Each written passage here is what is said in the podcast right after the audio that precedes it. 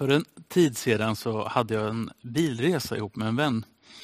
Och Det blir som när man åker bil. Vi börjar prata om livet och allt som hör till det och också tron. Och Min vän berättade för mig hur hon tänkte att hon var troende men inte en kristen och varför det kändes bättre att sätta epitetet troende på sig själv. En av de viktiga sakerna med att tänka att det fanns en gud för henne var just tanken att allting inte är relativt. Att det inte var upp till henne att definiera rätt och fel eller vad som är ytterst sant, utan det fanns några absoluta värden. Men att det kändes lite förmätet eller för mycket att kalla sig för kristen. Jag sa till henne att jag, skulle, jag utmanade henne att ändå våga tänka tanken, vad skulle få mig att kunna kalla mig kristen? För det finns en verklig hjälp och en nytta i att sätta ett ord på sin tro. För om man inte är ute efter att definiera Gud själv, så är det just det som begreppet kristen gör.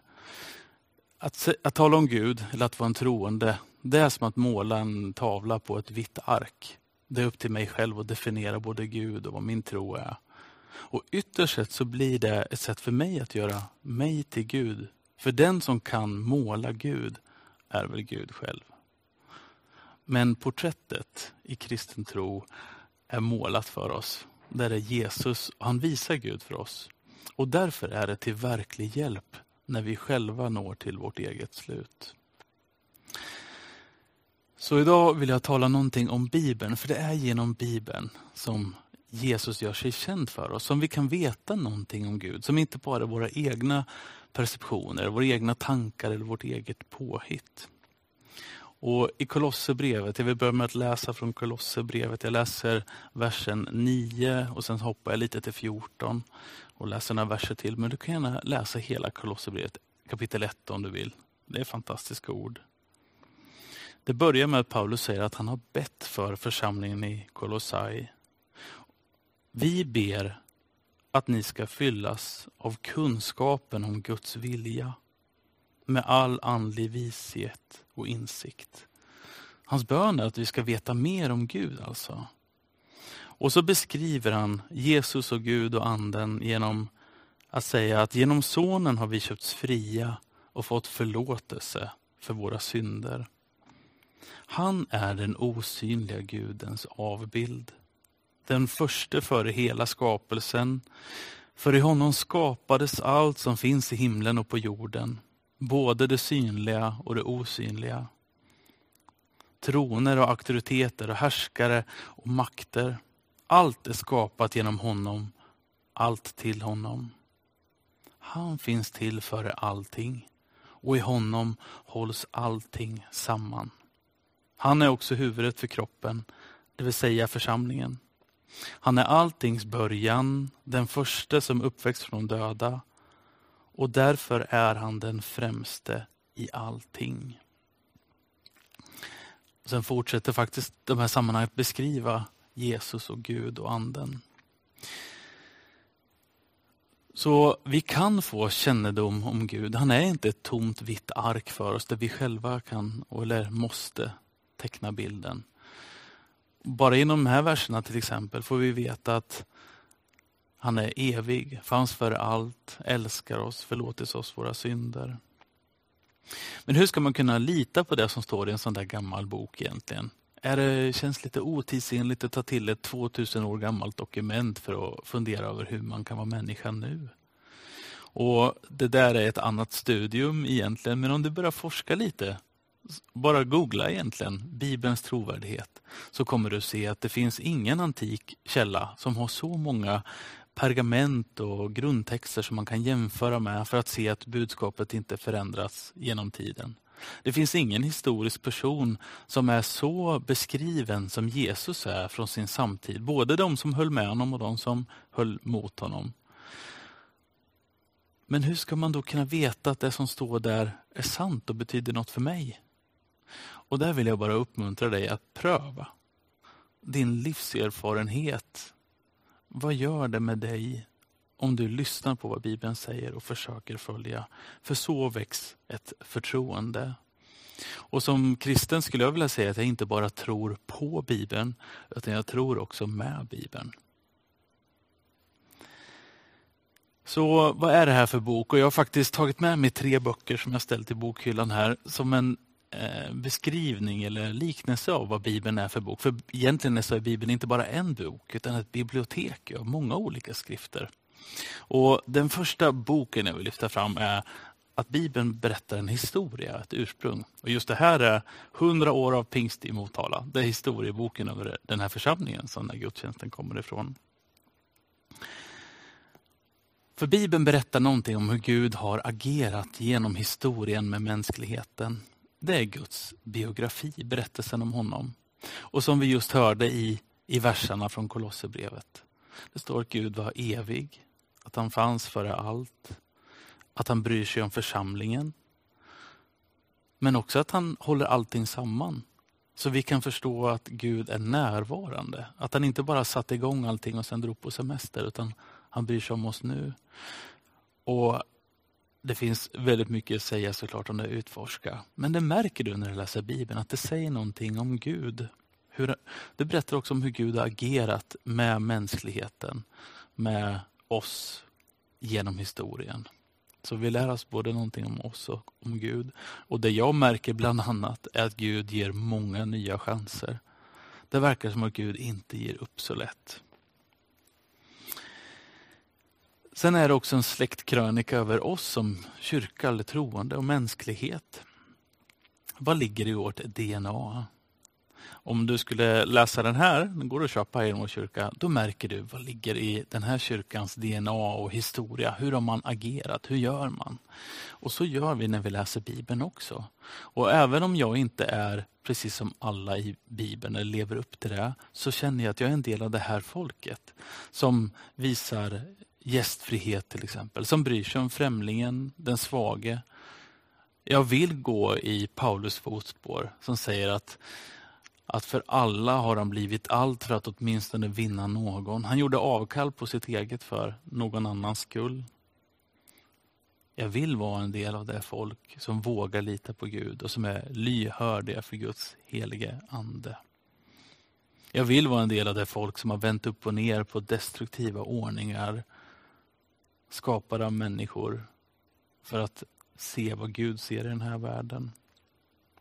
Men jag kommer också till en del svåra passager och så är det när vi läser släkthistoria också. Om du tänker på din egen släkt, dina förfäder, så kan det mycket väl finnas personer och händelser där som du undrar, att, ja, vad ska jag göra med det där?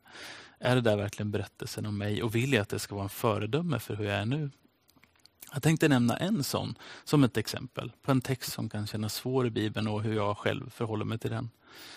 Eh, det rör ett sammanhang där Paulus skriver att kvinnorna inte ska uttala sig i församlingens samlingar utan fråga sina män istället när de kommer hem. Och hur rimmar det där då? Du har ju här i början med Linnea som är pastor och föreståndare i den här församlingen. Och jag kan väl säga att vi har inte den ordningen i vår familj att hon är tyst i kyrkan och frågar mig när hon kommer hem, utan det är väl tvärtom i så fall. Ja, och ändå sitter jag här och pratar om att jag litar på Bibeln och vill leva med Bibeln. Hur förhåller jag mig till den där texten? Ja,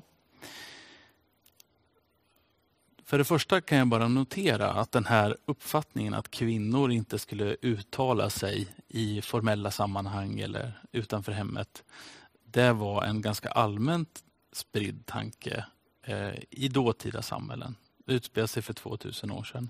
Men vi behöver faktiskt bara gå 100 år tillbaka i vårt eget samhälle från att kvinnor fick rösträtt i Sverige. Och Letar vi lite till så kan vi notera att för 150 år sedan då var det den första föreningen där man kan notera att kvinnor har full först, eh, rösträtt. Det var en kristen kyrka, en baptistförsamling. Som föregick den värderingen som vi nu tycker är helt självklar i vårt samhälle, men som inte var självklar då.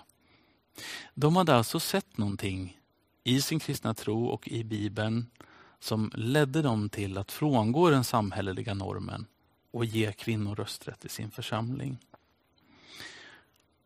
Vi kan se att Bibeln hade gett dem en inriktning som ledde att de kunde gå längre och förverkliga det i sin tid. Då såg de till exempel kanske att Jesus hade en verkligen avvikande relation till kvinnor jämfört med vad som var tillåtet i den tiden. Han hade kvinnor i sin lärjungakrets som följde honom. Han åt med kvinnor, han pratade med kvinnor, någonting som en andlig ledare inte gjorde då, inte tilltalade eller till, hade konversationer med kvinnor. Han pratade med kvinnor som var utstötta. De enda som var vid Jesu kors när han dog var kvinnor och de första som såg att graven var tom var kvinnor. Kanske har de också noterat att Paulus, även fast han säger att kvinnan ska tiga i församlingen i det här sammanhanget, så hälsar han till kvinnliga ledare i andra sammanhang. Han hälsar till Junia, eller han skriver också till eh, Priscilla Priskilla som var församlingsledare tillsammans med hennes man Aquila. Men Priskilla nämns oftast först. Och varken till Junia eller till, Prisk eller till Priskilla så säger han någonsin att de skulle vara tysta eller inte uttala sig i församlingen. Nya testamentet består av många olika brev som skrivs in i särskilda sammanhang. Och för att förstå brevets ärende då kan jag också behöva veta någonting om sammanhanget som det skrivs in i. Och just när det gäller kvinnan, uppmaningen att kvinnan ska vara tyst i församlingen, så finns det en del forskning som tyder på att det fanns omständigheter i de här församlingarna som gjorde att Paulus skrev någonting till dem som han inte skrev till andra. Det fanns eh, en slags eh, idébildning eh, som också uppträdde lite sektartat i samhället. En rörelse just bland kvinnor och Man förstår att Paulus skulle vilja skydda den här församlingen, för det var många nya som kom till tro. Och Paulus var rädd att de skulle sprida den läran som de hade med sig in i den här församlingen. Därför så uppmuntrar dem att vara tysta. För att man i en demokratisk ordning annars alla, många hade rätt att uttala sig och säga sin mening. Det var inte så som ett program där alla bara satt och lyssnade, utan man fick också bidra. Det finns olika forskning runt det här, men det skulle kunna vara ett sätt att förstå varför Paulus skriver just den här uppmaningen till det här sammanhanget. Sen finns det andra delar i Bibeln som är mer allmänt. Och Jag tänker att om man vet, hur vet man om det är allmänt? Jo, men kanske att det sägs vid flera tillfällen till en större mängd av personer. Eller att man förstår av själva budskapets karaktär att det här är en slags allmänt, någonting som gäller fler och i en större sammanhang. Ehm, och Då kan jag också göra en mer allmän tillämpning av det. Till exempel är allmängiltigt att Gud vill att alla ska bli frälsta. Det finns något allmängiltigt i budskapet att han vill ge sin helige ande till alla. Eh, det finns en, ja, jag kan inte rabbla upp alla nu, men du märker själv när du läser. Vad verkar vara specifikt och vad kan jag lära av det som är specifikt? Det kanske liknar en specifik situation nu. Då kan jag ju fundera vidare runt det och vad är allmänt. Om vi släpper det här med kvinnor för ett tag eh, så vill jag säga att du ska inte gå för snabbt förbi de här sakerna som du liksom slår tån i tröskeln på. Utan det är just en del av att bli personlig med tron. Att upptäcka tron är just att brottas också med svåra saker. Precis som det är i andra relationer en konflikt eller en problem i en relation kan ju också vara en möjlighet till fördjupning av den. Sen finns det delar i Bibeln som verkligen går på tvärs med hur de flesta av oss tänker i vår tid nu.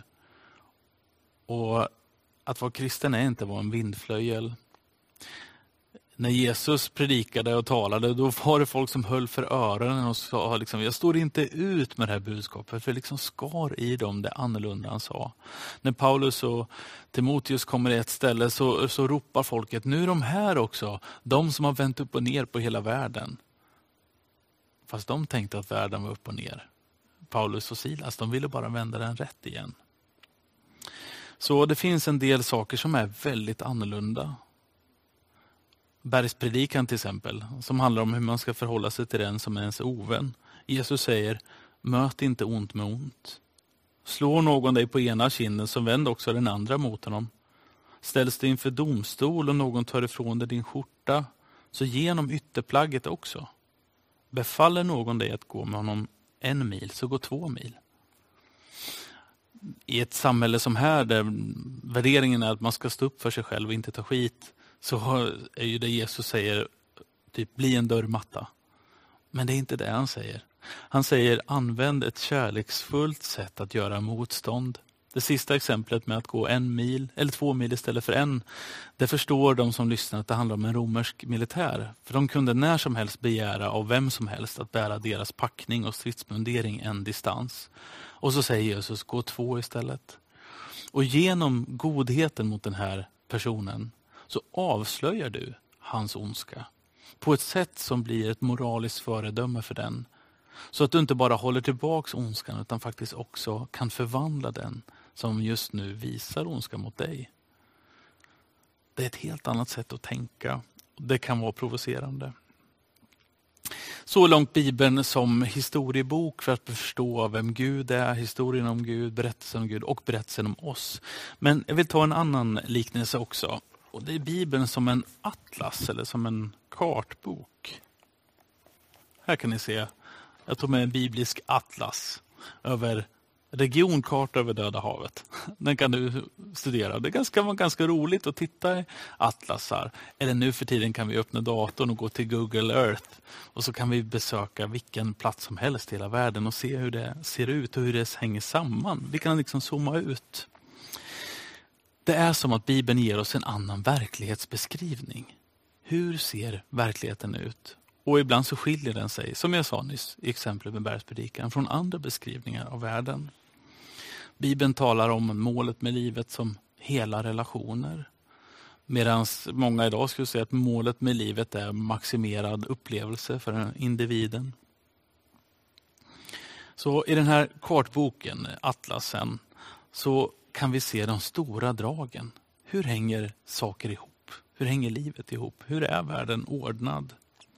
Men även för den som tycker att ja, men jag har varit runt en hel del, både i världen men också i tron. Jag känner berättelserna. Det kanske var som för mig att man växte upp med bibelberättelser från söndagsskolan och annat.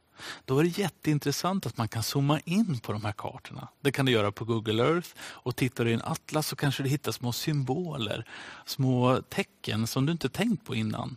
Som du kan kolla närmare på och kanske att i de där små sakerna att det ryms en stor aha-upplevelse. Ta till exempel berättelsen i Matteus 13 om såningsmannen. Där berättar Jesus om en man som gick ut för att så. Han kastade sädeskorn och några föll på sidan av vägen. Några föll där det var tunn mark, så de hade inga rötter. Några torkades upp, några blev uppmätna av korpar. Några slängde han bland tistlar, men några korn föll i den goda jorden och de bar god frukt. Du kanske tycker att den här berättelsen, den kan jag. Men då skulle jag ställa den här frågan till dig. Har du tänkt på vilken usel bonde det är i den här berättelsen? Det här var verkligen något som jag tror att den som hörde berättelsen då slogs av. Jag vet inte om din erfarenhet av att så för hand, jag har en begränsad sån. Men jag förstår att en bonde som har en värdefull korn i sin hand, ett utsäde, är lite mer selektiv vart han slänger det. Varför slänger han det bland tistlarna? Varför slänger han det på vägkanten? Varför slänger han det där det inte finns någon jord? Du skulle kunna översätta det här idag till en bild som vi kanske är mer bekanta med. Tänk en pensionsinvesterare som ska investera dina pengar. Vi har en kläm på hur ett sånt yrke är. Jesus skulle kunna berätta liknande sagt att det fanns en pensionsinvesterare och han tog dina pensionspengar och han investerade dels i något pyramidspel som har rullat ett bra tag. Han tog en del och investerade i den ryska maffian i korta lån. Han tog ytterligare en del och investerade i den något tveksamma branschen av mekaniska räkneverk. Och han tog också en del och investerade i utbyggnaden av 5G-nätet. Och det gick kanon. Då skulle vi fatta, men varför tog investeraren investera i alla de här dåliga områdena? Ja, varför då? Varför slänger Gud sitt säd sådär? Ja, kanske är det för att han inte är en bonde som är, som är intresserad av maximal återbäring. Han kanske inte är en investeringspensionsman. Tänk om man är en förälder som har barn som är i ekonomiska behov. Oavsett om barnet är involverat i pyramidspel eller maffiaverksamhet eller jobbar på en tveksam industri eller om den är i en tillväxtsektor som 5G så ger föräldern pengar till sina barn för att de behöver det.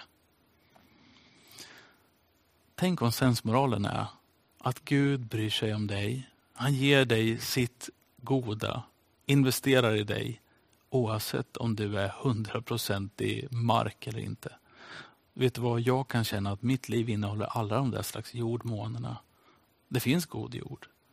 Det finns nässlor och hård mark och annat också. Och ändå så ger Gud i sin godhet sig till mig. Jag vet inte hur du tänker när jag berättar om den här berättelsen så här. Men när jag tittade på detaljen på den här kartbilden så öppnade sig en till bild av landskapet som jag inte innan hade tänkt på. Bilden i kartboken ger oss också förståelsen att vi är på väg någonstans. Med hjälp av en kartbok och en kompass så kan du veta riktningen du ska gå men också veta någonting om hur det kommer se ut på vägen. Och I Bibeln så hittar jag en riktning. Till exempel så säger Jesus och Nya Testamentet en hel del om gästfrihet. Och jag kan välja att gå i den riktningen för jag tror att det leder mig någonstans. För lite sedan så var det någon som skrev till mig på Facebook Messenger och sa, jag kommer inte ihåg riktigt vem personen var, jag kände inte igen namnet. Men så skrev han, jag vill bara skriva och tacka för den där gången då jag fick bo hos dig.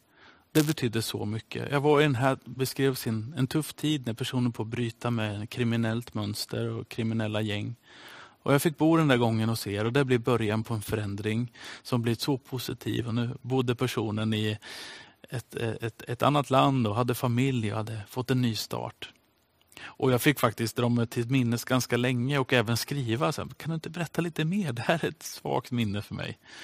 Och så hjälpte han mig att komma ihåg det där tillfället då jag genom vårt själavårdsteam i kyrkan fick reda att någon behövde en plats att bo och behövde hjälp att hämta en packning. Och Jag kom ihåg det för jag tog med, på mig alla prästmunderingar jag hade när jag skulle gå till det där boendet för jag hade förstått att det var bevakat av ett annat kriminellt gäng och så fick jag gå och hämta hans packning.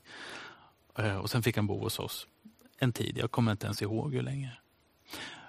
Men det viktiga för mig nu, det som jag tänker på är att om vi går i en viss riktning så vet vi inte vart det för oss. Vi vet inte vad det kommer betyda i det långa. Men jag får lita på den här kompassen och kartan. Och jag vill gå i den riktningen. Och så får jag se hur vägen blir framöver när jag går den. Jag vill ta min sista bild av vad Bibeln kan vara för bok genom att ta fram min lyrikbok. Och I den här så finns det ett helt avsnitt med kärleksdikter. Och Bibeln är en slags kärlekshälsning, ett kärleksdikt eller ett kärleksbrev om du så vill från Gud till dig. Det var faktiskt så att när jag förlovade mig med Linnea så skrev jag en dikt till henne. Och den tänkte jag inte läsa för dig. Den ska jag inte utsätta dig för. Det är ju en ganska personlig sak. Men du har säkert dina exempel på hur någon har förmedlat sin kärlek eller sagt det till dig. Och Bibeln är en bok där Gud vill beskriva sin kärlek till dig. I alla exemplen, i alla händelser så syns den stora omsorgen och en Gud som verkligen sträcker sig fram till dig. Och då får vi fundera på exemplen. I eh, många fall när jag är bland nya människor så brukar jag faktiskt ställa den här frågan. Om jag får reda på att någon är kristen. Jag brukar fråga varför är du kristen? Hur blev du det? Varför har du fortsatt vara det? Och jag har hört många kärleksbrev om man så vill säga. Många berättelser om hur Gud har visat sin omsorg. Det kan ha varit praktiska saker, någon som fick lägenhet eller boende när den mest behövde det. Jag har hört berättelser om helade och upprättade relationer. Människor som har fått en ny självkänsla. Fysiska mirakler och helanden paret som länge ville bli med barn men så gick det inte. Så blev de kristna och bad till Gud och så fick de bli föräldrar av det som de uppfattade av nåd. Det där är inte en tänkt som ett exempel på en meny som du kan begära från en restaurang.